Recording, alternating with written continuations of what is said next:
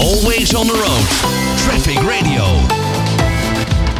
Alles om eens, dat wordt eh, steeds maar duurder en duurder. En ook de OV-reizigers gaan de stijgende prijzen voelen. In 2023 zullen de prijzen gemiddeld met 8,4% stijgen voor reizigers die in het gebied van Amsterdam met het openbaar vervoer gaan reizen. Reizigersvereniging Rover is daar uiteraard niet blij mee. Zij waarschuwen voor het zogenaamde vervoersarmoede. Omdat mensen niet meer naar hun werk kunnen vanwege de hoge tarieven in het OV. En ik ga hierover eh, verder praten met Chris Vonk, persvoorlichter bij eh, Reizigersvereniging Rover. Chris, een hele goede middag. Goedemiddag. Ja, eh, een, een slechte zaak dus. Want ook het, nou ja, eh, de tarieven van het openbaar vervoer gaan dus stijgen. En Nu, nu in Amsterdam, is het vooral gericht op Amsterdam? Nee, het is eh, landelijk gericht. en er worden landelijke afspraken gemaakt over, over het basistarief. Alleen kilometertarief, dat wordt in de regio's zelf bepaald. Oké, dus dat kan voor de ene regio hoger uitslaan dan voor de andere Ah, regio. ja, ja, ja. Oké, precies. En jullie praten ook over een vervoersarmoede. Wat, wat, wat moet ik me daarbij voorstellen? Nou, dat mensen, doordat het eh, te duur wordt, eh, geen gebruik meer willen maken van het openbaar vervoer. En ja, dan krijg je dus een zogeheten vervoerarmoede. Ja. En dat juist in een tijd waarin het openbaar vervoer misschien vanwege de klimaatontwikkelingen steeds belangrijker moet gaan worden als vervoersmiddel. Zeker, ja, ja. En ook Amsterdam eh, wat sowieso inzet op natuurlijk het eh, grotendeels eh, autoarm, uh, autoluw maken van de stad. Ja. Is juist het gebruik van de fiets, maar ook van het openbaar vervoer heel erg belangrijk. Ja. En daar mogen de tarieven ook niet te veel stijgen. Het is gelukkig wel zo dat de abonnementen alleen maar met het basistarief eh, de hoogte ingaan. En dan heb je geen last van eh, de afstanden die je reist.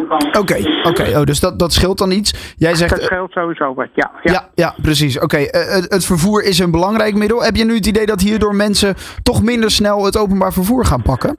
Eh, er zal altijd een groepje mensen zijn, en we hopen niet te veel natuurlijk, die toch wel van het openbaar vervoer gebruik eh, blijft maken. En dat het, het eh, aantal wat niet meer met openbaar vervoer gaat, dat het beperkt blijft. Zeker in een stad als Amsterdam Ja. en omgeving.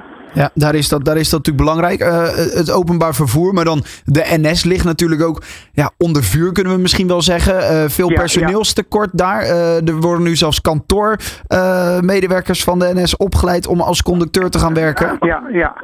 ja ook, ook de andere vervoerbedrijven in Amsterdam, zowel het GVB als de busbedrijven, hebben daar ook last van dat ze met een personeelstekort zitten. En ja, dat doet zich wel heel Nederland voor natuurlijk. Niet alleen maar bij het openbaar vervoer.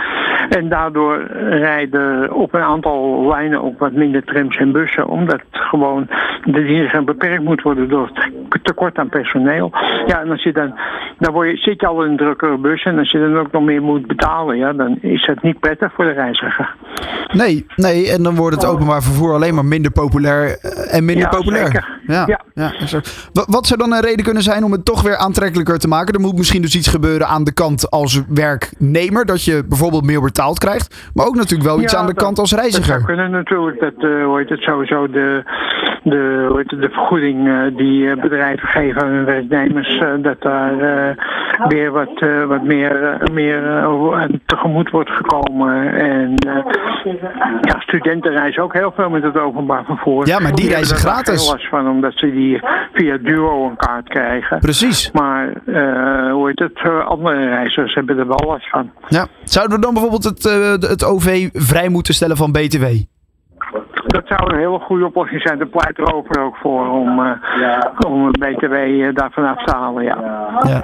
Zodat het dan toch eh, nou ja, populairder wordt voor de mensen. ja Ehm, daarom. Het scheelt toch 9% natuurlijk. eh, want Ja. het geldt het lage BTW-tarief geldt voor het openbaar vervoer. Het scheelt je toch weer 9%. En dan Nee. compenseert dat eigenlijk eh, wat je meer gaat betalen. Eh, eh, Exact inderdaad, want die 8,4% die gaat er dus opkomen vanaf eh, ja, 2023. Wat kunnen jullie hier als eh, reizigings, eh, reizigersvereniging nog, nog aan doen? Kunnen jullie nog lobbyen of, of langs de... Ja, dat, zal, dat gebeurt gelukkig op landelijk niveau eh, genoeg eh, door, eh, hoe heet het, eh, zowel bij de vervoerbedrijven als bij de politiek eh, daarop in te spelen.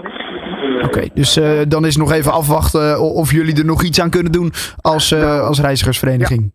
Ja. Nou, eh, het zou mooi zijn. Zou mij ook weer wat schelen. Dus eh, doe je best, eh, doe je best Chris, eh, daarvoor. Oké. Oké. Nou, en een fijne dag, eh, Chris. Always on the road. Traffic Radio.